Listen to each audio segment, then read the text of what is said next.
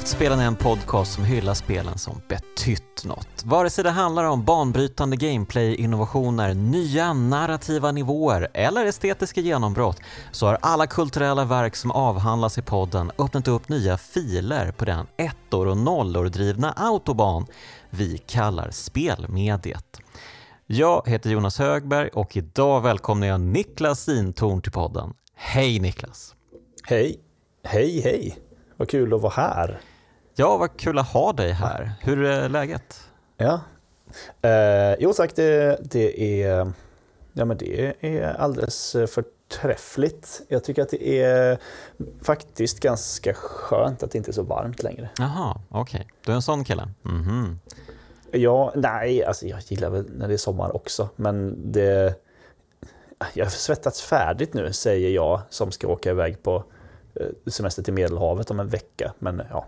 Okej, okay, det har ju ändå inte varit någon vidare sommar här så att jag är ju lite frågande till vad det är du pratar om egentligen. Men ja, vi hade en sen, eh, sen, en liten sen värmebölja här nere i Malmö där jag, eh, där okay. jag bor. Men nej, du har ju rätt, det har inte varit någon sån 2018 sommar direkt. Det har det inte. Nej. Men du nämnde ju något intressant där, att du bor i Malmö och du är ju journalist på Sydsvenskan mm. där du Eh, bland annat skriver om spel. Men jag tror att de flesta i Gamer-Sverige mm. känner dig från spelsajten Svampriket. Ja, det, ja det, det kan man tänka sig. Det, jag skriver inte jättemycket om spel på, på arbetstid, tyvärr. Eh, utan det blir desto mer på, på mm. Svampriket. Mm. Ja, men, eh, berätta lite om det. Alltså, hur länge har du vistats där och hur började liksom hela resan med att skriva om spel för dig?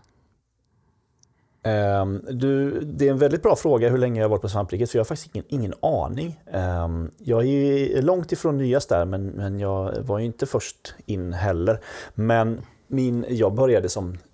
Uh, alltså du har ju säkert haft jättemånga med som kom med i den här stora bloggvågen runt, ja, vad var det, 2010, 11 där någonstans. Uh, där alla skulle ha en spelblogg och sådär då började jag skriva för, eh, jag tror det samtidigt som jag pluggade eh, journalistlinjen i Lund så började jag skriva för gameplayer.se som var Malin Söderberg var chefredaktör för. Och där folk som ja, men Samson Wiklund och eh, Anders Brunlöv var väl där och Peter Ahonen och, och sådär. Och sen så rullade det på med en blogg som heter crade.se mm. som eh, sen eh, lades ner och så, så fick jag vara med på svampriket helt enkelt. Och nu är vi mer av en, inte, inte lika mycket en sajt som mer liksom, ska säga, en podd, ett stream, en Twitch-kanal och ett, ja, vad ska man säga, community mm. typ. Har det blivit. Det. Ja, a way of life helt enkelt. Mm, mm. Eller hur? Eh, ja men eh, härligt, underbart. Och eh, du har inga planer på att pensionera dig än från speltyckandet? Nej, alltså vi har ju hittat, eh, vi har, vi har liksom fuskat till det sådär på, på svampriket att vi är så pass många så att även om alla är, nästan alla är småbarnsföräldrar och eh, börjar bli gamla och trötta så lyckas vi prångla ur oss poddar och streams ändå. Så då, då blir det inte så betungande som det var då när man, back in the day, du vet man verkligen, verkligen man verkligen försökt. ja, jo, eh, jag minns och jag vet. Um, mm. Ja, men eh, härligt att du är här i alla fall och eh, härligt att vi ska prata om ett av, ja men är det ett av spelhistoriens fetaste spel? Ja, alltså, i min bok absolut, 100 procent. Yes, vi ska prata om Deus Ex, ja. originalet som släpptes till PC år 2000. Och som släpptes till Playstation 2 inte allt för långt därefter tror jag också. Mm. Um, den har jag aldrig precis. spelat, den versionen. Nej, men jag har hört att den ska vara ganska okej okay, faktiskt. Mm, jag tror det. Um, men, men ja, det, jag har inte spelat den heller. Men det är ju ett spel som utvecklades av Ion Storm och inte den dåliga delen av Ion Storm utan den bra delen av Ion Storm. Där vi har legendarer som Warren Spector och eh, Harvey Smith i eh, ledningen. Och eh, ja, det är ju ett spel som folk liksom pratar om med rysningar längs med ryggraden i samma veva. Ehm, och ja, men Det ska bli jättekul att hugga in på det här uh, mästerverket idag. Eh, men eh, du, vi kan väl börja med att eh, höra oss för med dig lite här om din liksom, första upplevelse med Deus Ex. Om du spolar tillbaka bandet mm. till ja, när du spelade första gången. Alltså hur var, hur var den upplevelsen? Ja. Jag är lite osäker på om jag spelade det Eh, precis när det kom eller om det var eh, strax efter. 2000 då eh, var jag ju 15 vid, vid det här tidpunkten. Jag spelade när jag var 15-16 år och du kan ju tänka dig det kanske var ungefär den åldern du var också i och för sig när du spelade. Men det här är ju, är ju ett spel som är ganska, ganska, ganska bra anpassat för en 15-16-åring. Mm om man säger så, i tema och story och, och sådär. Um, nej, men jag minns, eh, alltså jag minns, det är ju den här första banan som slår den liksom med häpnad, eller det första som slår den med häpnad är ju den otroliga intro, eh, intromusiken ja, när, när loggan kommer fram.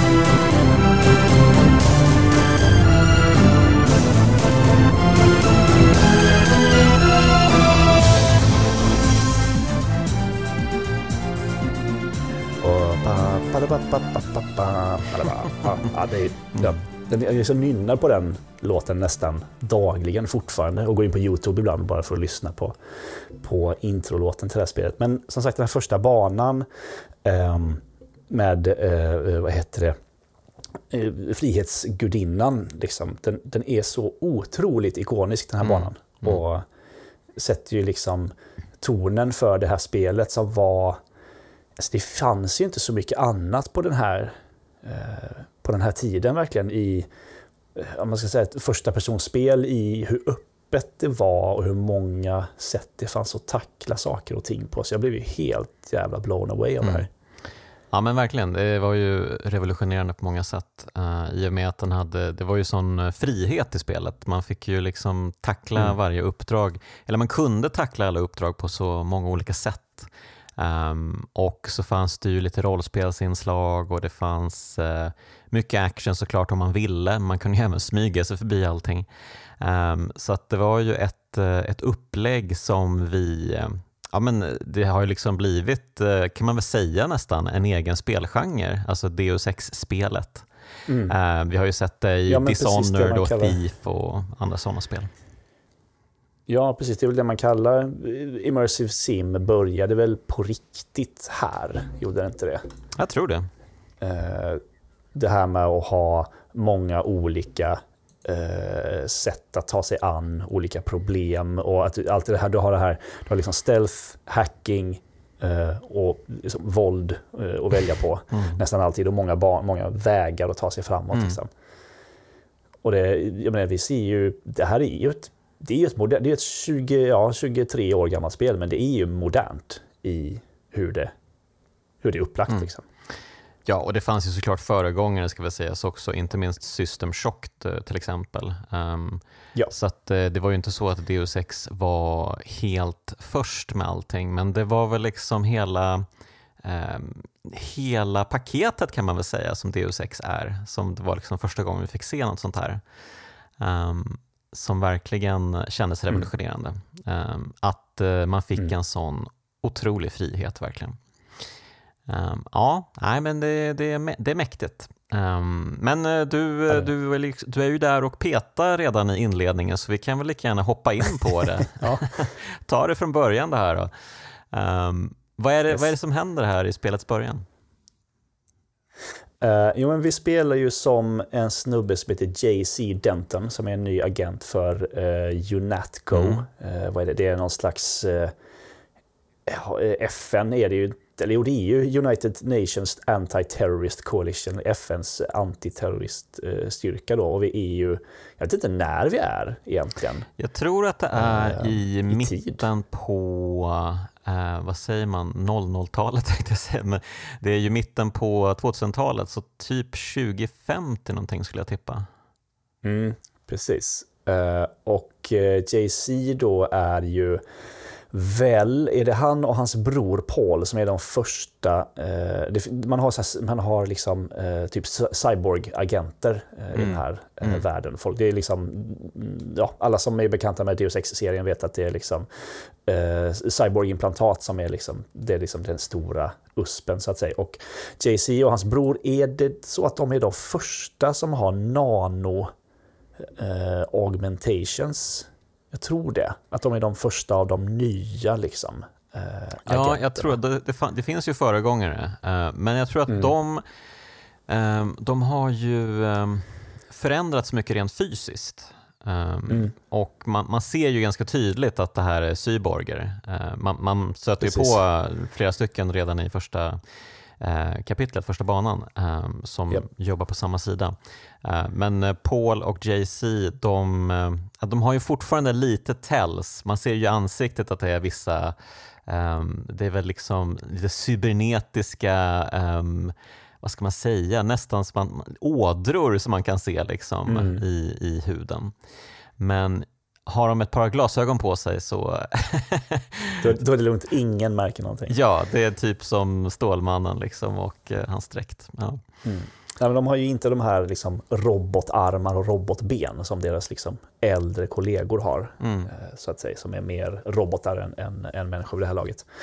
Eh, och vi är väl eh, vid Frihetsgudinnan för att eh, det, det UNETCO håller på att, eh, ja, eller, eller världen liksom har ju drabbats av ett virus. Det är väldigt, väldigt passande det här, ett spel som de två stora temana är eh, virus som hotar att förgöra mänskligheten och AI. Mm. Det är ju bra eh, väldigt Ja, det är ju helt otroligt vilken... Eh, de bara, ja men 20 år senare då kommer det här vara superaktuellt. mm, precis. Uh, Grey Death heter den här, den här pandemin. Och vi är väl här för att stoppa en vad är det, NSF heter de mm, väl? Exakt, ja. det är ju en terroristorganisation. Ja, förlåt, du sa det där. National Secessionist Forces. Ja, och vad betyder secessionist?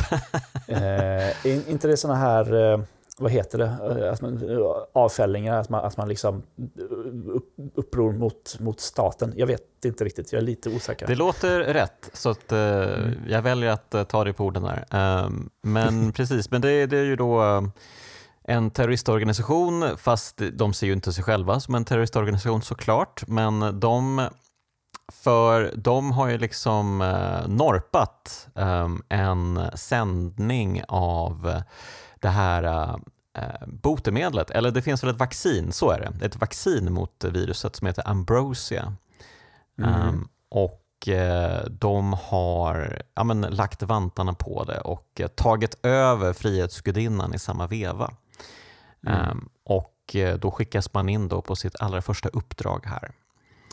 Uh, om man inte redan gjort uh, tutorialen då, det är väldigt kul faktiskt.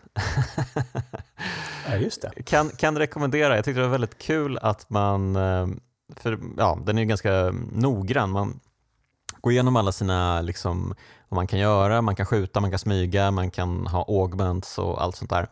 Eh, så tyckte det var så kul att det var en, eh, en menig i militären som gått med på att bli knockad medvetslös som ligger på golvet och liksom väntar på att man ska komma in och, och plocka upp honom och lära sig att ja, ja, ja, man kan liksom plocka bort människor. Det kanske var en av de första gångerna som det här eh, tekniken var med i ett spel också i och för sig. Um, så att, ja, nej men det, det är skojigt. Och sen så då kastas man in på det här öppningsuppdraget vid Frihetsgudinnan. Och det är lite kul för att Frihetsgudinnan har ju redan varit med om en terroristattack. Um, för man ser ju Frihetsgudinnans huvud ligga um, alltså framför Frihetsgudinnan. Det har ju blivit ett mm. monument i sig. Liksom. Mm. Um, och jag tror att även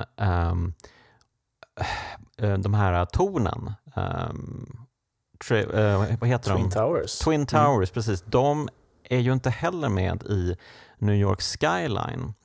Eh, och de har blivit terroristbombade. Och det här var ett spel som kom ut innan eh, attacken 11 september. Så att, Det här har eh, jag missat tror det är jag. ju helt sinnessjukt hur, eh, hur mycket de liksom prickar rätt här med allting. Mm. Ja, ja. Men eh, man, man kommer in i det här uppdraget och eh, man inser, ja, man får väl lite tips från brorsan som dyker upp och säger ja men du, eh, ta det lugnt här va, du behöver inte skjuta folk. Han, han är väldigt så här, eh, pacifistisk brorsan. Um, Mm. Och det är väldigt tutorial-likt. Sådär. Kom nu ihåg, du eh, datorspelare som är van vid att skjuta på allting som rör sig. Du Ja. måste inte göra det i det här spelet. Ungefär lite på den nivån. Är mm. Men eh, berätta hur du tar dig an den här banan.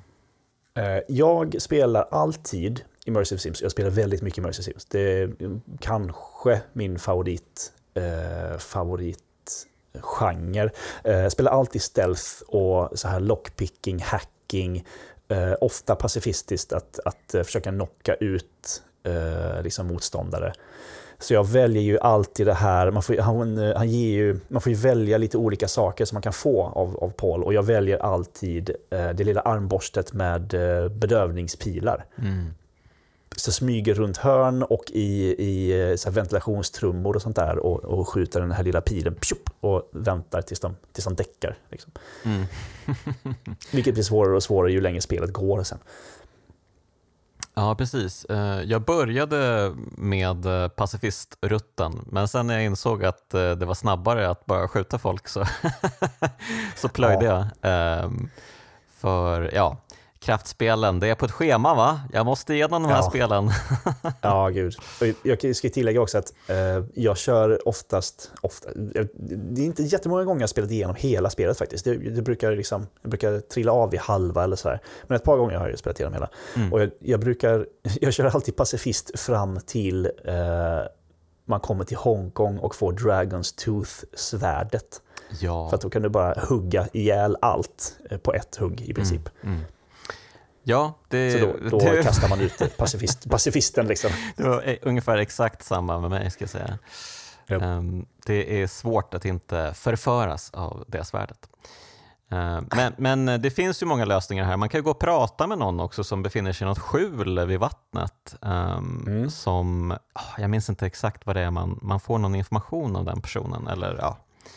Ehm, det är Jag tror att du eventuellt får en kod eller så får du eh, info om att du kan simma in under vatten tror jag. Just det, det. Något av det här. precis. Det Ja, här spelet belönar ju alltid utforskande, vilket är en av mina absoluta favoritsaker i, Mm. i eh, spel. Att, eh, ja, men utforska det bara och prata med rätt personer så får du gärna en kod till en dörr, en bakdörr eller något sånt där. mm. ja, men det är ju viktigt. Det, man ska finkamma minsta vrå. Ehm, Oh ja. Det är roligt för eh, Warren Spector då, ehm, spelets producent kanske? Jag ska dubbelkolla här så att jag inte säger fel här. Ehm, Mm. Han är spelets regissör och producent visar sig. Ehm, men han eh, har ju pratat om att det finns en sorts eh, 75%-regel som han har. Ehm, där han liksom anser att spelarna kommer se 75% av det ett spel har att erbjuda. Och det Mm. är optimalt för honom, för då har ju vissa spelare sett vissa saker som andra spelare inte har sett och sen när de pratar om spelet så blir de så här helt Va? Händer det där dig? Det händer inte mig. Vad i hela? Ehm, och det är det där han är ute efter med sina spel. Att ehm, leverera så pass mycket innehåll att det omöjligen kan ses av en och samma person. Mm. Och det är ju intressant. Um, ja, det, det finns ju mycket att se i Deus Ex och uh, jag har ju verkligen inte sett allt i det här spelet. Ehm, Nej, ett bra exempel på det är, kommer ju, det kommer visserligen lite senare när du kommer till New York, um, där du kan komma in i de här Majestic 12s, uh, eh, en- en av deras baser, liksom, i, innan de ens introduceras i, i berättelsen i princip. Så man smyger runt där nere och bara, vad fan är det här? Och det behöver du inte göra, utan det är helt frivilligt, men du kan komma in där tidigt. Mm. Uh, och det tyckte jag var så jävla coolt, att man kröp ner där och bara, vad fan är det här? En underjordisk bas under New York, vad, vad är det här för någonting? Uh, det här är inte NSF, de heter MJ12, vad är det för någonting? Underbart. Ja. Mm. Men, eh, ja, men på det här första uppdraget då, eh, som sagt, det finns så många vägar in i Frihetsgudinnan. Ehm, jag testade, eh, tror jag, de flesta, förutom det där med simgrejen, den hittade inte jag. Men man, man... Jag, kan ha minst, jag kan ha minst fel att det, var en, att det är en annan bana man kan simma in. Ja, men det finns ju en vakthund utanför huvudingången då, så man kan ju då slänga iväg en, vad kallar de de här granaterna, EMP-granater. Mm. Um, som ja, neutraliserar allt elektriskt. Um, och Vakthunden är ju då en robot ska vi säga också. Mm. Um, de har ju stora hemska robotvarelser som vaktar saker och ting. Så att eh, ja, och så smyger man sig förbi lite vakter och upp i tornet och så får man sig ett snack med terroristledaren som direkt börjar förföra JC Denton. ja, han är inte svårflörtad, det är han inte. Nej, verkligen inte. Han bara, berätta mer, berätta mer. Mm, intressant. Har du tänkt på att det du kanske gör är fel? Ja, kanske det. Nu när du säger det. Ja, faktiskt. ja, eh, och... ja, men precis. Han börjar väl direkt prata om en, en, eh, en liksom government conspiracy och sådär. Och, och JC är ju inte sen på att börja tveka på sin, sin övertygelse. Mm. Ja, så det finns en konspiration som agerar i bakgrunden och eh, ja, det är, väl, det är väl, man förstår väl det att det här viruset, eh, det är ju man-made och eh, mm. det är ju helt enkelt ehm, en riktigt, en eh, klassisk storskurk som ligger bakom Verkligen. det hela. Ehm, som har riktigt otroligt megalomana planer ehm, och eh, det är ju svårt att inte förföras av det här med. Men ja, men eh, vi, när uppdraget är klart då kastas vi ner i bunkern för Junatco har sitt högkvarter även på samma plats här på Frihetsgudinnan ja. på Liberty Island. Väldigt, väldigt smidigt att de bara liksom 50 meter från, från Frihetsgudinnan så har liksom FN-organisationen sitt huvudkvarter. Ja. Väldigt märkligt. Ja, men jag blev lite chockad verkligen, jag minns inte det för att eh, när jag var klar där uppe så bara jaha okej okay, nu ska det väl komma en mellansekvens och så transporteras jag till en annan plats tänkte jag men så var det bara nej men okej okay, du måste ta dig ut, ta, ta dig ner genom tornet igen, gå ut, liksom virra dig runt tills du kommer till den här bunkern och så bara jaha okej okay, va? Man kan ju undra varför NSF valde liksom att, att barrikadera sig i Frihetsgudinnan. De måste ha vetat att Jonatco hade sin bas där. Ja, det var riktigt märkligt. Men eh, möjligtvis att den här sändningen fanns eh, ja, där i anslutning till Unatco. Mm. Eh, ja. Men i alla fall, man får lite briefing här inne i bunkern. Man får träffa lite sköna ehm, typer. Ehm, ja. Bland annat, ja, det är ju en doktor, en vapenexpert och en hacker bland annat. Och inte minst de här två eh, superkolosserna, eh, eh vad ska man kalla dem? Ja, men ehm, precis. De här gamla eh, augmented-typerna ehm, som verkligen ser ut som supermänniskor.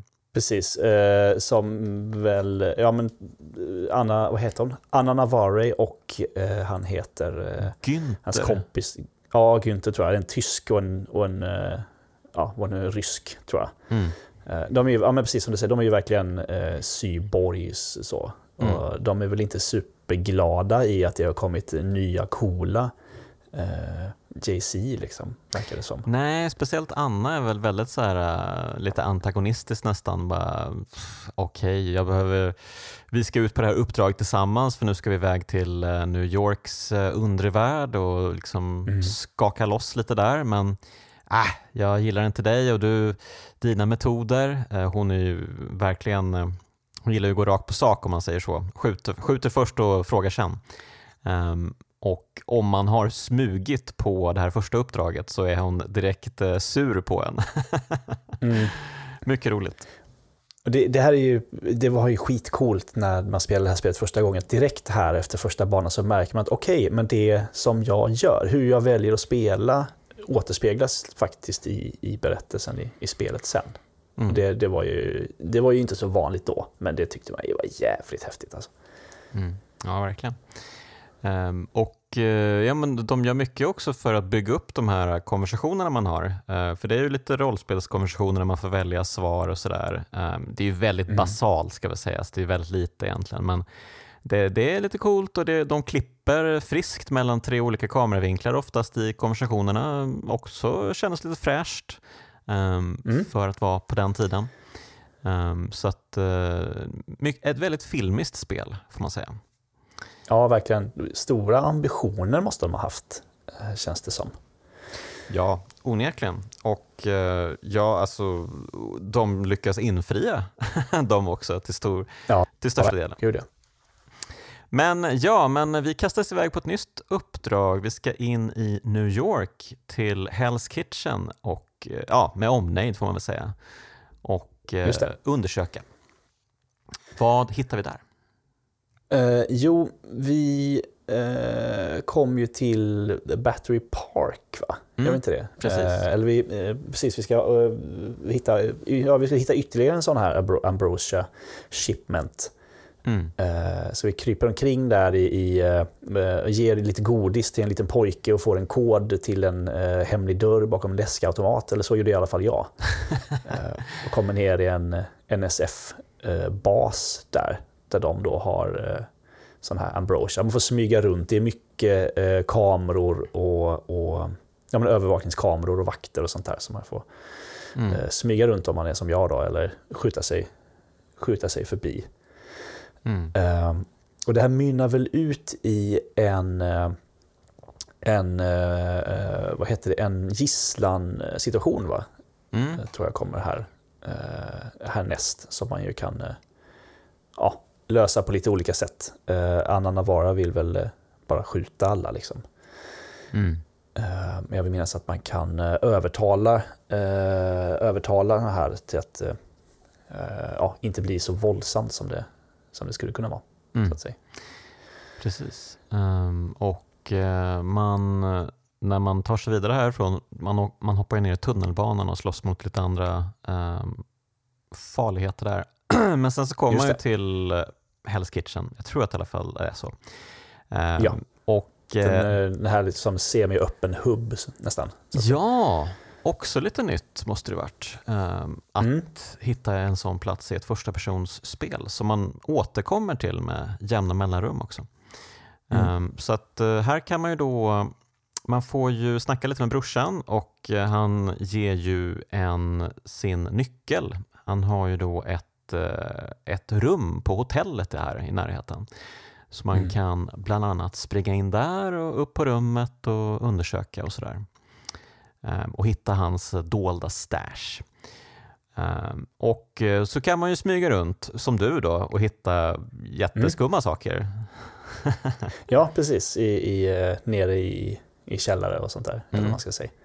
Eh, jag kommer inte riktigt ihåg, för den här gången gjorde jag inte det. Eh, så jag kommer inte, liksom inte riktigt ihåg vad man hittar där, men det är väldigt mystiskt allting för att det är den här MJ12 som, som bor där nere. Det är liksom helt nya fiender med andra. Eh, det är inte de här gröna NSF-soldaterna, det är liksom svartklädda mystiska soldater och så. Men mm. det är nog mest att man får lite erfarenhet och kanske, kanske någon sån här augmentation, uppgradering där nere. Jag minns faktiskt inte riktigt. Just det. Det finns ju även en bar här man kan prata med lite olika människor. Um, mm. Och ja, men också så här rollspelsinslag. Man kan göra sidouppdrag. Man kan övertala, är det en syster um, som man ska försöka hitta i en gränd och hjälpa? Ja, just det. Um, och ja, man kan prata med servitrisen och be om öl och vin i otaliga mängder verkligen. ja. uh, ja, nej men lite skojigt. Um, var lite tråkigt att man inte kunde liksom eh, förkovra sig i baren för jag har för mig att det fanns eh, liksom typ eh, pinballmaskiner och sånt också men inget av det där går liksom att interagera med. Nej, det är lite, ja, det är lite rudimentärt så. Det, det är inte så att, att rum och sådär är liksom fullproppade med, med grejer och rekvisita om man säger så. Mm. Eh, det är ju ganska, det är ganska liksom bar, sparsmakat och, och avskalat är det ju. Men det är ju också ett ja, ganska gammalt spel. Ja, verkligen. Um, precis. Men ja, man hittar ju den här Ambrosia-stashen då och uh, när man sen kommer tillbaka till basen så får man ju veta jag tror att i alla fall nu, för att man hoppar tillbaka till Hell's Kitchen så många gånger. Men visst är det nu mm. som man inser att uh, Paul har försvunnit? Mm, jag tror det i alla mm. fall. för uh, de säger att han har defektat. Mm, precis, och det känns ju väldigt konstigt för att han är ju så lojal och, eh, och sådär, mm. tycker JC då. Men, uh, under ytan bubblar ett uppror. Precis, är det här man också träffar, är det här, för nu är man tillbaka på högkvarteret ja, mm. uh, är det här man träffar Walton Simons för första gången? Uh, FIMA-chefen, som ju också har sådana här augmentation, liksom ådror i, i ansiktet. Ja, men att han är, är ett, sånt här, ett, liksom ett, ett, ett Zoom-samtal med, med chefen på Unatco när man är där, när man kommer in där, mm. om jag inte minns helt fel. Mm, just det, ja precis. Bra minne. Um, mm, och man, man ska iväg då och försöka hitta Paul um, på uppdrag och uh, de vill ju att man ska döda Paul och uh, det vet jag inte riktigt om mm. JC Denton har tänkt sig men han ger sig iväg i alla fall och hamnar till slut via ännu en exkursion i Hell's Kitchen och hela den vevan. Började bli lite upprepande här kände jag men Ja, det är lite rörigt faktiskt. här tar man sig i alla fall vidare då till ett eh, flygfält. Jag tror att det är LaGuardia Airport man kommer till. Jag tror det. Ehm, och eh, här får man ju då träffa Paul och han säger nej, nej, nej, men spring in och uh, köta lite med, uh, oh, nu har jag glömt vad han heter, men det är någon... Um, Anna, uh, är det va? Eller nej, det, nej, nej. Nej, den här NSF-ledaren är det va? Ja, precis. Han Walton Simons. Walton Simons, ja. Precis. Mm. Um, Nej, man... det är, förlåt, det är FIMA. Det, det är, många, FIMA. Det, är många, det är många förkortningar här. Ja, jag tror, jag tror inte ja. man behöver ha koll på alla namn, men i alla fall NSF-ledaren i alla fall. Man springer in och snackar med honom och eh, då dyker Anna upp när man håller på att prata där och säger ja, nu ska du inte snacka med, med honom utan uh, nu ska vi bara döda honom och uh, så är vi klara här. Men mm. ja, det är klart att man vill fortsätta prata och det kan man göra. Liksom prompta mer samtal med den här karaktären. Och då får man ju liksom, det är ju som, ett, eh, det är som att skala ett äpple eller en, en lök. Liksom. Eh, man kommer närmare och närmare kärnan och eh, mm. närmare och närmare ett, ett eget avhopp från Unatco. Ehm, mm. Och till slut så skjuter ju Anna den här NSF-ledaren bara. För att nu har du verkligen hört för mycket. ja, verkligen. Mm. Och hon vill väl skjuta dig också? Ja, men det gör hon inte va? Eh, gör, är det inte här? Är det inte på flygplanet? Nej, det kanske inte är. Nej, jag tror inte det. Jag tror att det är... Eh, jo, precis. Man ska in i Hell's Kitchen ytterligare en gång tror jag. Ah, jag ser, det, det är rörigt här.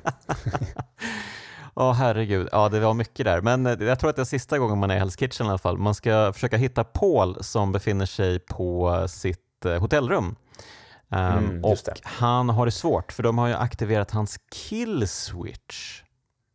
Mm. Och vad innebär det? får man reda på att det finns en sån. Ja men precis, det är ju en, eh, ja, det är väl en, fras helt enkelt. Uh, om jag inte har helt fel. Eller så är, är det liksom bara att alla, alla sådana här cyborgs har en inbyggd kill switch uh, som gör, i deras fall tror jag, JC och Paul, så är det väl att vad får man 24 timmar på sig att leva eller någonting. Uh, mm, de mm. trycker på en knapp helt enkelt och så, så expirar du efter, eh, efter en kort tid.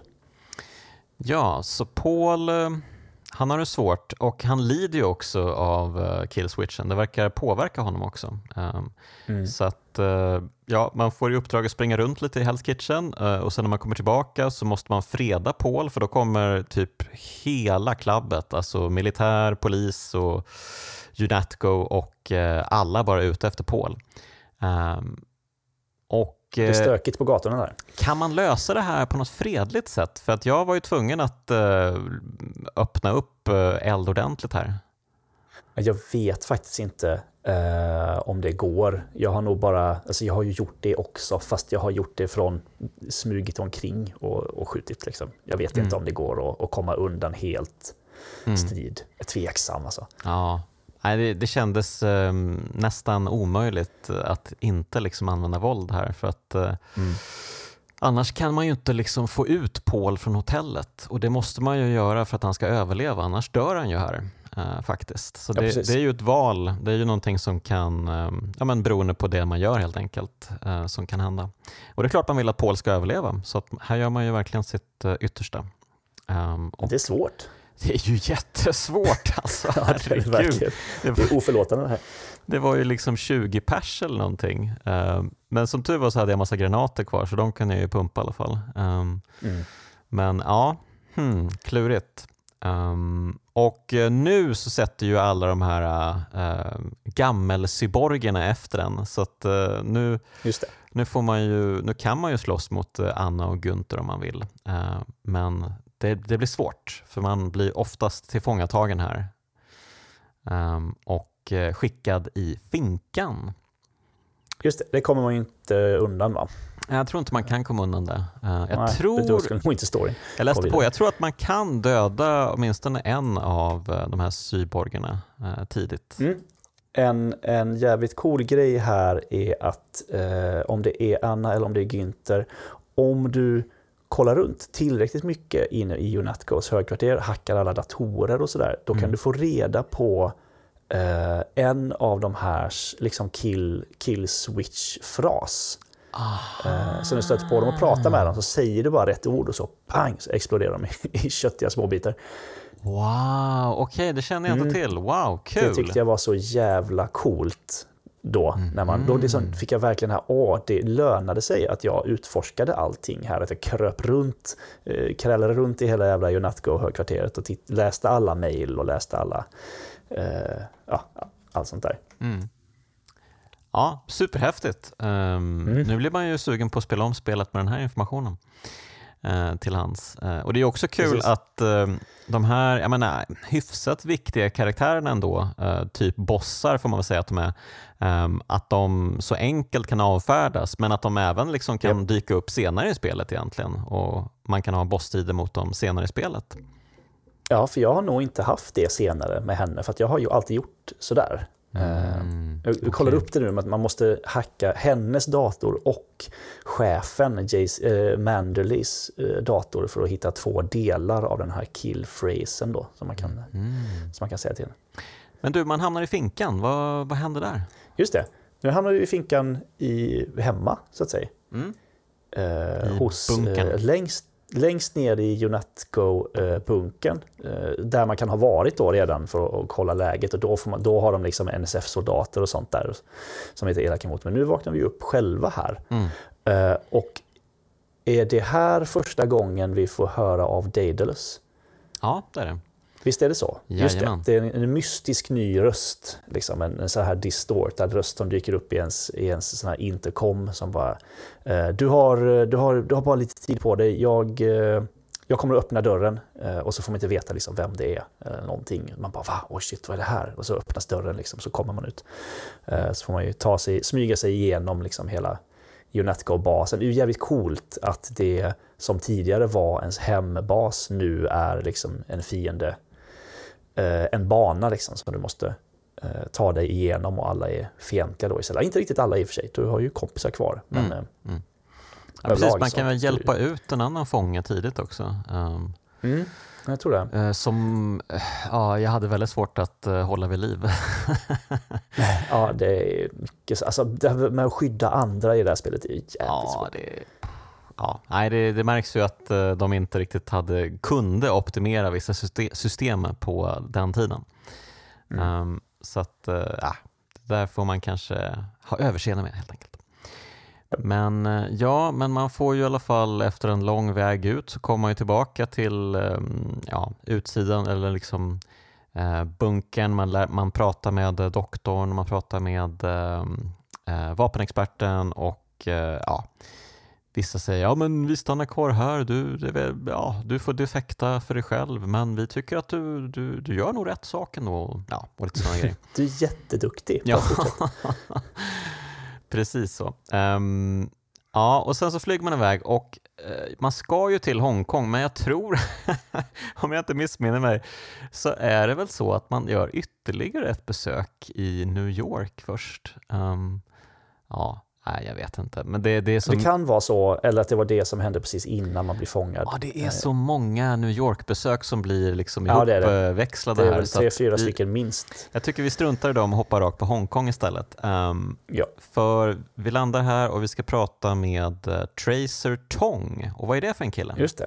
Eh, jo, men Tracer Tong är väl en, en eh, vetenskapsman och eh, Pauls kompis som då säger sig kunna eh, stänga av den här kill-switchen va?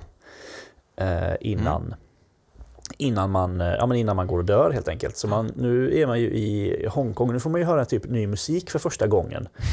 det eh, jag snackade innan om hur bra den här introlåten är och det är jättebra musik, all, all musik i det här spelet är bra. Det är inte många spår på, på soundtracket om man säger så. Nej. Eh, så det blir en, en, en frisk fläkt när man får höra lite ny musik i Hongkong. Och först måste man ju väl, det har också lite semi-öppen öppen mm. plats och då ja. måste man eh, lugna ner en strid mellan eh, eh, några familjer i, i triaden, liksom, i maffiafamiljen. Vad heter ja, de? Luminous Path och Red Arrow. Va? Ja. Och det har väl att göra med det här svärdet som jag eh, som jag nämnde tidigare va? Det, det, det, spelar någon roll där i alla fall. Ja, precis. Jag vet inte exakt hur det var, men jag tror att det är någon som, som säger sig... Det är någon som har tagit svärdet och fått mm. någon annan att tro att eh, svärdet har liksom tagits av en tredje part och eh, så blir det väldigt eh, liksom... Ja, det skapar ju konflikter eh, både höger och vänster. Um, mm. Men om, jag tror att hon heter Maggie Chow som har svärdet. Ehm, Just det. Jag tänkte på det för att hennes eh, röstskådespelare kändes ju extremt skum. Ehm, mm. För, ja men, eh, jag, hade, jag har väldigt svårt att tänka mig att en asiatisk röstskådespelare skulle spela en kinesisk kvinna på det här sättet. Det var någonting mm. med liksom uttalet och eh, ja, men förvanskningen av R som S och sådär. Um, och, eh, och sen så kollade jag upp då, ah, vem var det som gjorde rösten då? Ja, ah, det var Carolyn McCormick, en eh, vit eh, amerikansk kvinna. Ja, ja, okej. Okay. det är många sådana röster i, i det här spelet. Liksom, säga, accenter som inte riktigt hade varit okej okay idag, skulle man väl säga. Ja, men verkligen. Alltså, även om man hade liksom ja, men den var bara jätte, jätteskum, alltså så här extremt mm. skum. För att även om man hade bett en asiatisk eh, röstskådespelare att eh, ja, men kan du ge oss din allra mest liksom, galna eh, accent här, tack, eh, så hade ju inte den låtit eh, som Maggie Chow låter i det här spelet. Nej, nu har man istället eh, tagit en amerikansk kvinna och bett henne prata som hon tror att en kines pratar engelska, ja. fast hon inte har en aning. Ja, så att, det eh, ja, det var lite skumt helt enkelt. Eh, så att jag mm. hade verkligen inga som helst eh, dubier om att råna den här kvinnan på det här supersvärdet. Ehm, så att det gjorde jag och ja, då, då började ju spelet på riktigt kan man säga. ja visst, nu är det bara springa fram till vem som helst och hugga dem i ansiktet så dör de. Ja, det är helt sjukt vilken skillnad det blir. ja, jag brukar lägga mina, eh, de flesta av mina poäng, eller jag brukar liksom se till att uppgradera, eh, man har ju skills i det här, jag brukar uppgradera liksom eh, close combat, eller melee weapons så mycket som möjligt så att den blir som extra stark, det här mm. svärdet. Mm. Um, man får väl reda på, för hon, Maggie Chow jobbar väl tillsammans med den här uh, uh, vad ska man säga, killen med storhetsvansinnet, Bob Page. Bob uh, Page, ja. Mm. Versalife är, de, är det enda företaget som gör det här Ambrosia. Va? Uh, mm. det är väl det som Vaccinet är... då mot Grey Death. Precis, uh, och det vill inte han släppa ifrån sig helt frivilligt. va? Nej, och vi, alltså, vi kan väl redan nu avslöja att det är väl även Versalife som ligger bakom Grey Death? Ja, såklart. De har, ligger både, bakom både virus och och vaccin. Mm. Just det, en riktigt ondskefull plan är satt i spel här. Mm. Mm. Um, jag tänkte bara på en grej, det var så himla roligt när, för man, man, spring, man springer ju till en nattklubb tror jag det är, som heter Lucky mm. Money. Och eh, för att komma in så, de, de liksom insläppsdamen, eh, hon, hon eh, kräver olika avgifter beroende på vem det är. Om det är till exempel mm. två snygga tjejer från Australien så kostar det bara 10 dollar eller något sånt där att gå in. Och de, de står bredvid och man kan liksom ge dem pengar för att de ska kunna komma in. Då. Men det, det var så kul när hon pratar med JC Denton och bara Wow, okej, okay. ja, men, eh, ja men du kan nog få komma in för 15 dollar, alltså det var inte dumt det här. Och sen säger mm. hon I order you to stand in the spotlight and growl at the women like a dog that needs a master. den hade jag helt glömt bort, men jag reagerade väldigt, väldigt starkt på den. Uh, ja. Den här gången. Ingenting jag ser eh, framför mig JC Denton göra, han är lite stel. Ja, minst sagt. Minst sagt. Uh, så att, uh, nej, men uh, ibland så skiner manuset verkligen upp. för det är, är mycket så här konspirationssnack och det kan vara lite tung, tungrott ibland. Men när det kommer så här liksom färgklickar som den här damen, ja, då är det roligt. då är det fantastiskt ja. kul. Um, ja, precis. Mm. För någon gång får vi försöka reda ut hela det här Illuminati, MJ12 och hela det också. Det blir ju mycket sånt. Ja, oh, gud, jag har verkligen inte koll på allt ska sägas. Um... Ja, jag, har, jag har försökt ja. fatta vad det handlar om. Men, Precis. Ja. Jag eh, tittade på en YouTube-video som skulle förklara handlingen, men jag vet inte om jag blev så jättemycket smartare egentligen. Um, av det. Um, men det, det är ju mäktigt ändå. Man, behöv, man behöver inte ha fullständig koll. Nej. men uh, hur som helst, man springer runt uh, här i Hongkong jättemycket och och eh, till slut då så lyckas man övertyga Tracer Tong att man har uh, the stuff, uh, att man är mm. det rätta virket. Och, Precis, man lugnar väl ner konflikten mellan de här två grupperna och får då hjälp av den ena gruppens ledare att hitta Tracer Tong. Va? Jag tror det är så. Ja, just det. Just det precis. Ja, ja och när vi är klara med Hongkong, vet du vart vi ska då? Är det nu vi ska till eh, Frankrike, va? Till Paris? Nej, vi ska till Hell's Kitchen. Nej, just det. Åh, oh, gud Fan. alltså. Oh, gud. Jag, jag, vet inte om vi faktiskt behöver ta upp allt som händer i Hell's Kitchen med omnejd. Um, just det är den här gången man ska hitta, man ska prata med en journalist på klubb på baren och så va? Eller? Jag tror ja. man kan prata med honom tidigare också. Um, ah, okay. Men eh, ja, alltså jag måste erkänna att jag har blandat ihop saker och ting så att eh, jag vet inte om det är superintressant egentligen det som händer i Hell's Kitchen här. Men det är bara intressant att eh, wow, vad ofta man får se den här, den här platsen. Det är väldigt tur att Jock, piloten, att han byter sida och, och är med dig. För annars, mm. så hade, annars hade man inte kunnat åka så många gånger till Hell's Kitchen som man, som man behöver. Nej, verkligen. Um, men eh, ja, alltså vi, vi, åker till Paris istället tycker jag, för där är det ju eh, jättekul. Man eller jättekul, jättekul, men uh, man, man springer runt. det är lite klaustrofobiskt i och för sig nu när jag tänker på det.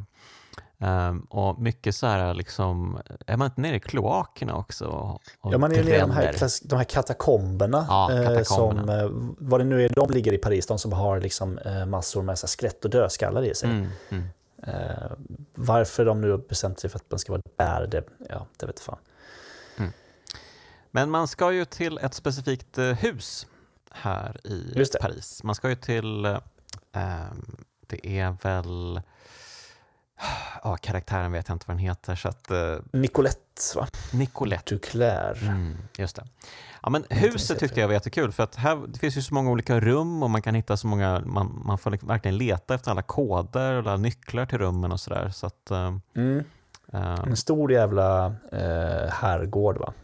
Ja, typ. precis, precis. Hon är väl, när ska vi säga, nej, hon, hennes mamma var en del av Illuminatis innersta cirkel mm. eh, tillsammans med, vad heter han? Bob Page? Ja, en snubb, Uh, nej, tillsammans med Morgan Everett som du Just letar det. efter tror jag. Just det, Morgan Everett. Uh, men Ja, även det Bob Page ska väl sägas. Det var väl fem stycken som var Ja, den inre cirkeln.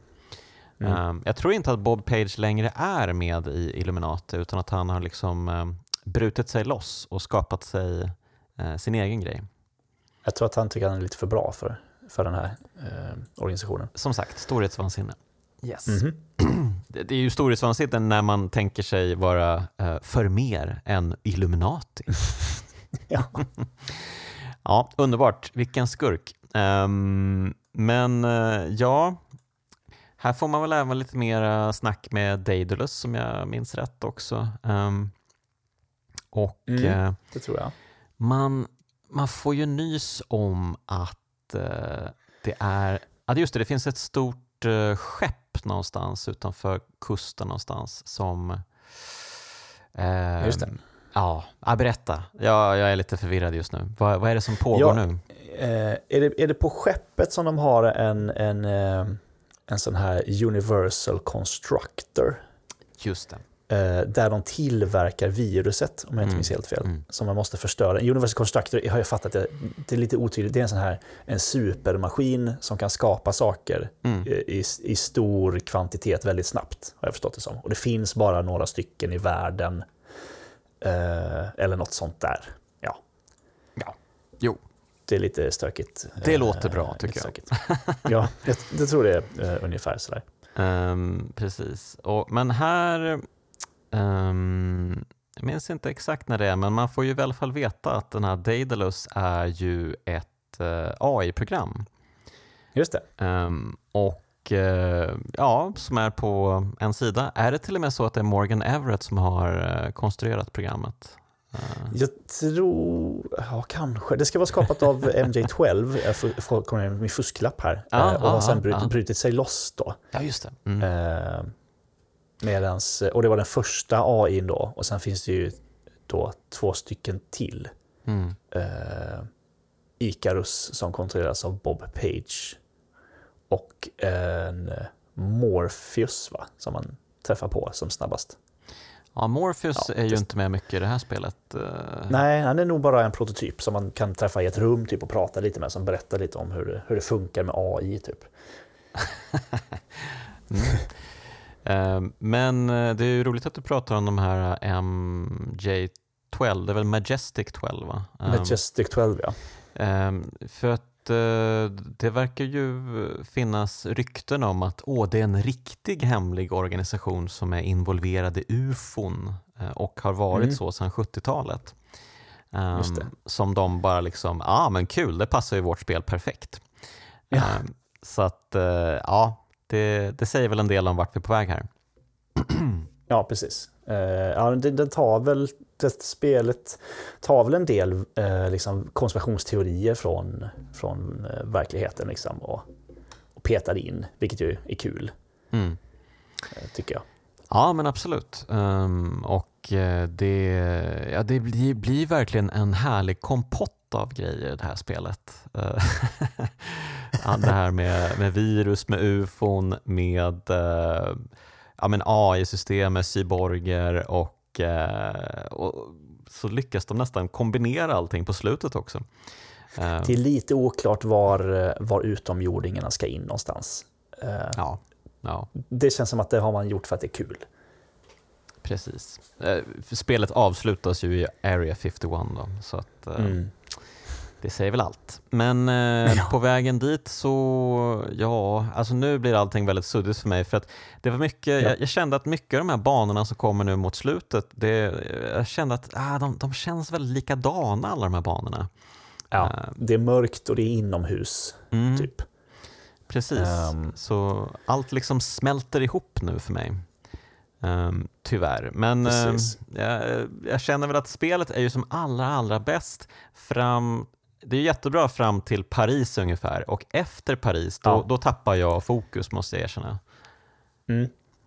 Ehm, Eh, Det gör det ju definitivt. Men eh, vi tar väl oss till det här skeppet och förstör den här Universal Constructorn som, som Mm. tillverkar viruset om jag inte har helt fel. ja. Eh, om jag inte minns helt fel så ska vi sen till Vandenberg Air Force Base i Kalifornien. Just. Eller ska vi till Hell's Kitchen igen kanske? Jag vet inte. Eh, jag tror faktiskt att vi är Jag klara tror- med Hell's Jag tror vi är Kitchen. färdiga. Jag tror det faktiskt också. Eh, Ja. För att på Vandenberg Air Force Base, är det där det finns en annan Universal Constructor? Ja men precis, det är väl så det är. Ehm, och, Mm. eh, Som, vi vill an- som vi vill ha för att eh, tillverka mer av vaccinet. Precis. Ehm, Så vi har alltså förstört en och nu har vi den andra och Bob Page blir arg. Ehm, Han vill ju också ha den då. Så att är det nu han skickar iväg en, han hotar att skicka iväg en kärnvapenspets mot eh, den här eh, Air Force-basen? Eh, ja, det gör han nog eh, i slutet eh, av den här banan tror jag. När man kommer dit så är den ju under attack av Bob Pages, eh, alltså MJ12-soldater. Eh, eftersom de också vill ha den här Universal Constructorn då. Mm. Eh, och det är väl också här som de här två eh, AI-erna, va? Icarus och eh, Daedalus, eh, blir en AI, är det inte så? Som blir Ja. Helios. Ja men det är ju väldigt roligt, precis. Um, Daedalus som väl får sägas ha varit en god AI.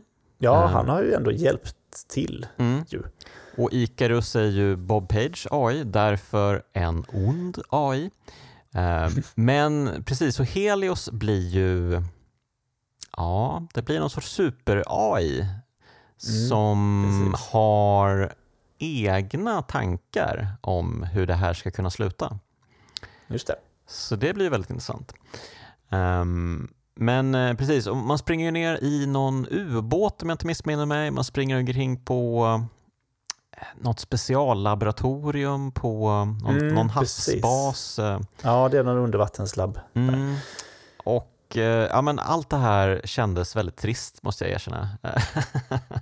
Här är ju, banorna är ju inte lika bra. Nej. Och det blir väldigt storytungt här. Det är många som pratar i örat på en Mm. eh, när man springer runt och, och letar efter saker. Det är, det är väldigt förvirrande. Är. Ja, men klaustrofobiskt är väl bara förnamnet. Eh, Jag, eh, jag fick ju gamefaxa ganska ordentligt på de här banorna för att Ja. förstå hur jag skulle komma runt. Liksom. Ja, verkligen. Ehm, mm. Men eh, till slut då så hamnar man på Area 51 och the shit is going down, verkligen. För Ja, nu, nu har ju Bob Page, han, han, är nästan, han ska nästan uppnå sitt syfte och hans syfte är att bli ett med Helios Just det. och därmed få kontroll över hela världen. Just det. Någon Eh. slags, jag har precis någon slags global diktator, eh, oklart varför, men han ska det. Han tycker det. Ja, men han, har, han är väl lite sådär, vad, vad säger man, de här plutokraterna, att de tänker att eh, vi ska styra över människorna, eh, för människorna själva klarar inte av att styra. Det är väl lite Mm. som Helios också tänker, för att Helios eh, är ju själv inne på att eh, ta över liksom hela, hela klabbet. Ehm, Mm. Men då, han kan tänka sig, eller hen kan tänka sig, um, behöver inte alls göra det tillsammans med Bob Page, kan tänka sig JC Denton att Mm, eh, precis. mergea eh, med Helios. Så det, det finns väl, om jag har förstått det rätt, tre slut här man kan få. Ja, det är väl lite, lite sådär, eh, vad heter det, Mass Effect-aktigt. Mm. Du, väljer ett, du väljer ett av tre slut helt enkelt. Mm. Eh, jag kan, utan Deus Ex inget, inget Mass Effect eh, 3 debakel kanske. Jag minns inte, vad händer i Mass Effect 3? Ja men det är ju det här du, du eh, ja, spoiler då för slutet av Mass Effect-trilogin om någon eh, har missat det. Men du, du får välja helt enkelt, allting du har, allt du har gjort i de här tre spelen med alla val och allt, alla du har legat med och inte legat med. Så får du välja liksom det röda, det gröna eller det blåa slutet i princip. Okej. Ja, Ja. Jag, jag minns ju att många var besvikna på slutet i 3. Ja, de ändrade ju till och med, eller utökade ju till och med. eh, en patch. Ja. Men, eh, men de här är väl ändå tre ganska roliga slut man får i eh, Deus Ex. Ehm, man, Ja, man, man kan ju då välja att mergea med Helios och bli Mm. någon sorts ehm, AI-gud. Ja, för någon slags eh, New World Order, liksom. Att du styr över hela mänskligheten i princip. Diktator helt enkelt. Ehm, Ja. Och så kan man välja att eh, göra slut på all teknologi i världen. Um, Tracer Tong är väl den som liksom styr och ställer och vill att man ska mörklägga hela planeten. Liksom. Skapa en ny liksom, dark age, en ny medeltid där vi inte har... Vi börjar om på noll. Liksom. Ja, det är enda sättet för att vi har liksom eh, fördärvats för mycket av den moderna tekniken enligt Tracer Tong. Då. Um, och sen så finns det väl en sån här mellanväg också. Uh, man kan hjälpa typ uh, Everett och uh, Illuminati att ja, men, vi kan typ skapa ja, men, typ samma regeringssystem som vi hade liksom på vår tid. För det här är då 2052 mm. tror jag det. Um, och, ja, men, och då är ju liksom världen, ja, regeringarna är inte så stabila helt enkelt på den här tiden. Men eh, ja, man kan, kanske kan skapa en värld som kanske liknar vår värld med det här slutet. Ja, precis. Och det är väl i princip tre knappar nästan som man, som man väljer mellan, eller tre, jag kommer inte ihåg hur det såg ut riktigt. Ja, nej, det, ja, det är märkligt. Det är det. Um, ja, men vad, vad brukar du välja? Uh, men jag har ju valt, uh, tror jag de flesta gånger, Tracer Tong.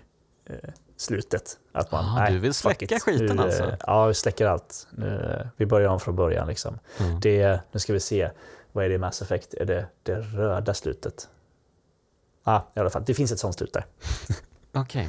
Okay. Mm. Um, ja, just det, men det, det banne mig om inte jag fick det slutet också. Um, mm. Precis. Um, så det brukar jag, det tycker jag, det känns bäst efter allting. Det, håller på, det, håller på, det ballar ur för mycket. Det kommer inte gå ihop med Helios tror jag. Jag, jag känner, inte att, uh, känner inte att jag då som JC uh, eh, kan, uh, jag kommer inte kunna hantera det här tror jag. Det kommer bli storhetsvansinne och så kommer allting gå åt skolan. Nej, men det där är intressant för att jag, jag tror ju att mycket av det här beror på, alltså Tracer Tong är ju en skön kille Mm. Han är ju typ den mest normala i spelet. Uh, mm. Den som kanske säger det vi tänker, vi som spelar nu. Um, här och nu i vår tid. Um, ja, medans uh, de andra är ju liksom, ja, de är ju lite så här maktfullkomliga på olika sätt. Men också det att man, man får ju möta och prata med de andra så lite jämfört med man snackar med Tracer Tong för han är ja. ju nästan alltid med och snackar och sådär. Um, mm. Och eh, Daedalus pratar man ju med tidigare, men sen blir ju Daedalus Helios tillsammans med Ikaros och blir någonting annat. Och man, man eh, får för lite tid tillsammans med Helios för att liksom bilda sig en åsikt om vad Helios är för något. Och, eh, ganska oskön typ egentligen. Det är ju bara ett, eh, ett AI-program egentligen. Man, man, får liksom ingen karaktär eh, att Eh, fästa sig vid riktigt. Nej, precis. Den kommer ju in liksom på vad är det, sist, näst sista banan eller så. Mm. Uh, och då har jag ändå spelat ganska många timmar med andra karaktärer innan dess. Liksom, som jag säger, jaha, vem är du? Varför ska, jag, varför ska jag gå med dig? Precis. Ja, nej men uh, hur som helst, Bob Page får ju bita i det sura äpplet i alla fall. Det är ju skönt. Ja, ja, han är, han är körd. han, sitter, han hänger där i sin, sitter där i sin han är någonstans som tank liksom eller någonting och håller på och merga med, med Helios. Va? Precis, det är något sköldsystem runt honom också. Ja, just det, så är det kanske. Mm. Till och med. Känns väldigt uh, kejsaren i Star Wars uh, kompatibelt på något sätt. Uh. Ja, just det. Precis. Mm. Ja, men där har vi det. Där är, har vi Deus Ex. Och uh, ja, alltså hur kändes det att spela om spelet nu då? Eh, det håller ju ändå, det tycker jag. Man får ju, eh, man får ju fippla lite med, med liksom grafikmods eh, och mm. så. Ja. Eh, för, för liksom, ja, men ordentlig upplösning och, och lite bättre textur och sånt. Sen har jag, jag har eh, en gång har jag testat också den här Give Me Deus Ex-modden. Jag vet inte om du har hört talas om den? Nej, får berätta om. Nej. Eh, det är liksom som en, eh, så här, så här, vad heter det, så här, eh, total conversion mod i princip. Som gör om väldigt mycket, och även grafiskt och så, men liksom en, en bättre AI på, på fiender. Ändrar lite, lite, ja, men lite bandesign. Uh, ny ljuddesign och lite nya så här, spelmekaniker som att du kan du vet, hoppa upp och klättra upp på lådor. Uh, och sådär. Okay. Och du kan ha, eh, undrar om det inte är lite andra, eh, de har gjort om liksom vapen och skills och, och sånt där. Men det är ganska mycket, det var ganska coolt. Jag spelade kanske halva spelet med det. Eh, men då var det så länge sedan jag spelade eh, grundspelet att jag knappt kom ihåg vad, vad skillnaden var. Mm. Eh, men det var ganska coolt att det finns. Liksom. Det är väldigt eh, moddat det här spelet som sådana här gamla goda eh, favoritspel brukar vara. Så det, det, kan man rekommendera någon gång folk att testa. Mm. Eh, annars så tycker jag att det här håller. Jag, jag sa det innan att Thief kom väl typ året innan eller något sånt där. Jag tror att det kom, mm. precis, eh, att de kom precis efter varandra och det var ju också väl Warren Spector, var det inte det? Mm, jag tror jag. Eh, det, var liksom, det känns lite som att det som började i Thief kulminerade i, i eh, i eh, Deus Ex och det var där liksom den moderna immersive sim-genren föddes lite. Så jag, tycker ändå att Thief känns äldre om man spelar det eh, idag. Det har jag bara gjort pyttelite någon gång. Eh, men Deus Ex hamnar liksom på rätt sida, någon slags brytpunkt tycker jag. Mm. Som att det, ja, men det, visst, det känns, det är gammalt, det är liksom lite eh, clunky och wonky, men eh, jag tycker att det håller bra mm. idag. Eh, och det är kul att spela liksom. Det är, inte, det är inte ett jävla helvete att ta sig igenom, tycker jag. Kan bero på att jag har spelat det så pass många gånger. Ja, men jag hade nog gärna spelat det med den här modden för att jag tycker nog att det är mm. lite klankigt som sagt. Eh, alltså det här att simma och försöka hoppa. Ja, simma är ju ett där, helvete. Och ja. simma och hoppa upp på plattformar från vattnet. Det är ju jättesvårt. Ja. Hur. Vem, vem programmerade det här? Det är ju en mardröm. Och um, hoppa upp på pyttesmå lådor, också jättesvårt. Ja, verkligen. Ja, oh, gud. Uh, nej, men eh, det, det, är ju tydligt att uh, det, det, har skett framsteg va? Uh, speldesignmässigt. Verkligen. Um, och också det här att man kan ju prata med många iskar, många vakter och sånt um, i, i världen. Och det är mm. påfallande ofta som man stöter på en isk som, ja vet om att ja, men det är någonting lite skumt här. Jag tycker att mina chefer är lite skumma. Jag har undersökt lite själv här och ja, men jag har hittat en lösenord förresten som jag bara häver ur mig nu. Ja visst, och, ja, ta det vet jag. Ja, inga problem. Ah, bra, tack, väldigt, tack, tack. Väldigt många som har saker att sälja också. Ja. Jag, hitt, jag hittade en raket, ett raketgevär här, vill du ha det för 700 spänn? Ja, okej. Okay. Kan jag väl tänka mig. Ja. och springer runt och hackar bankomater, så det härliga till det här spelet för att få ut pengarna. Just det, just det.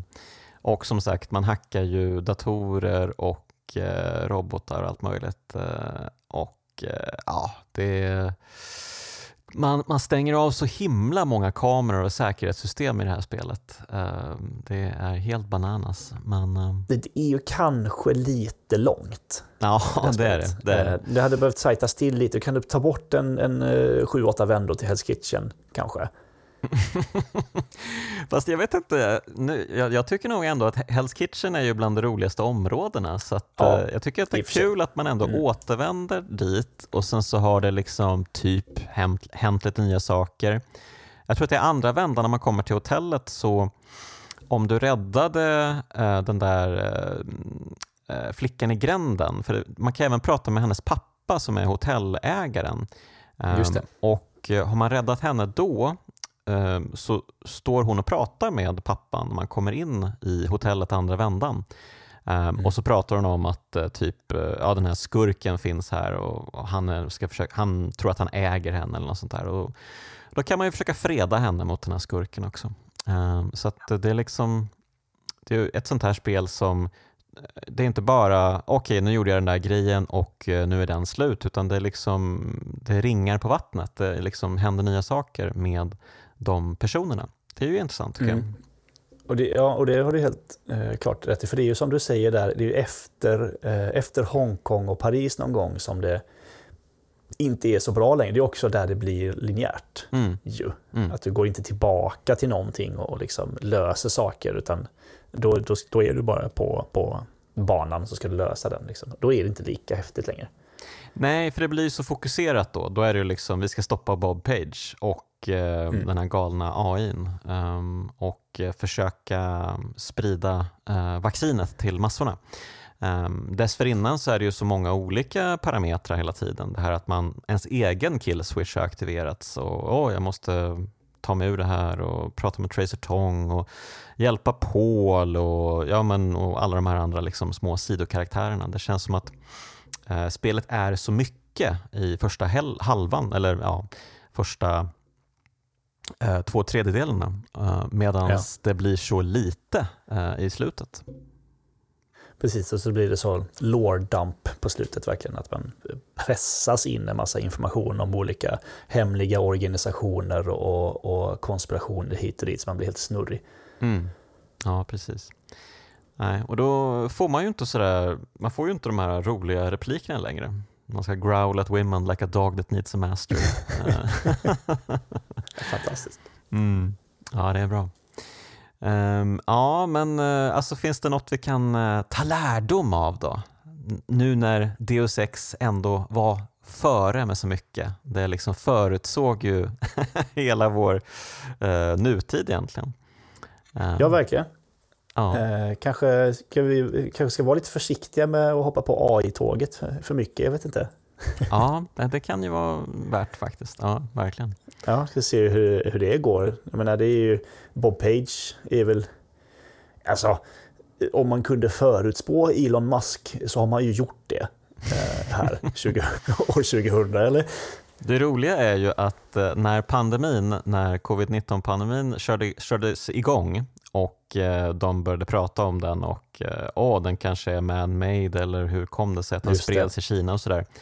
Ja. Så var ju Elon Musk ute och sa ah, Vet ni, det här känns jättemycket som Deus Ex, det här gamla tv-spelet. Åh nej. Usch, så att, eh, tyvärr så var han med på ett hörn och hade koll faktiskt.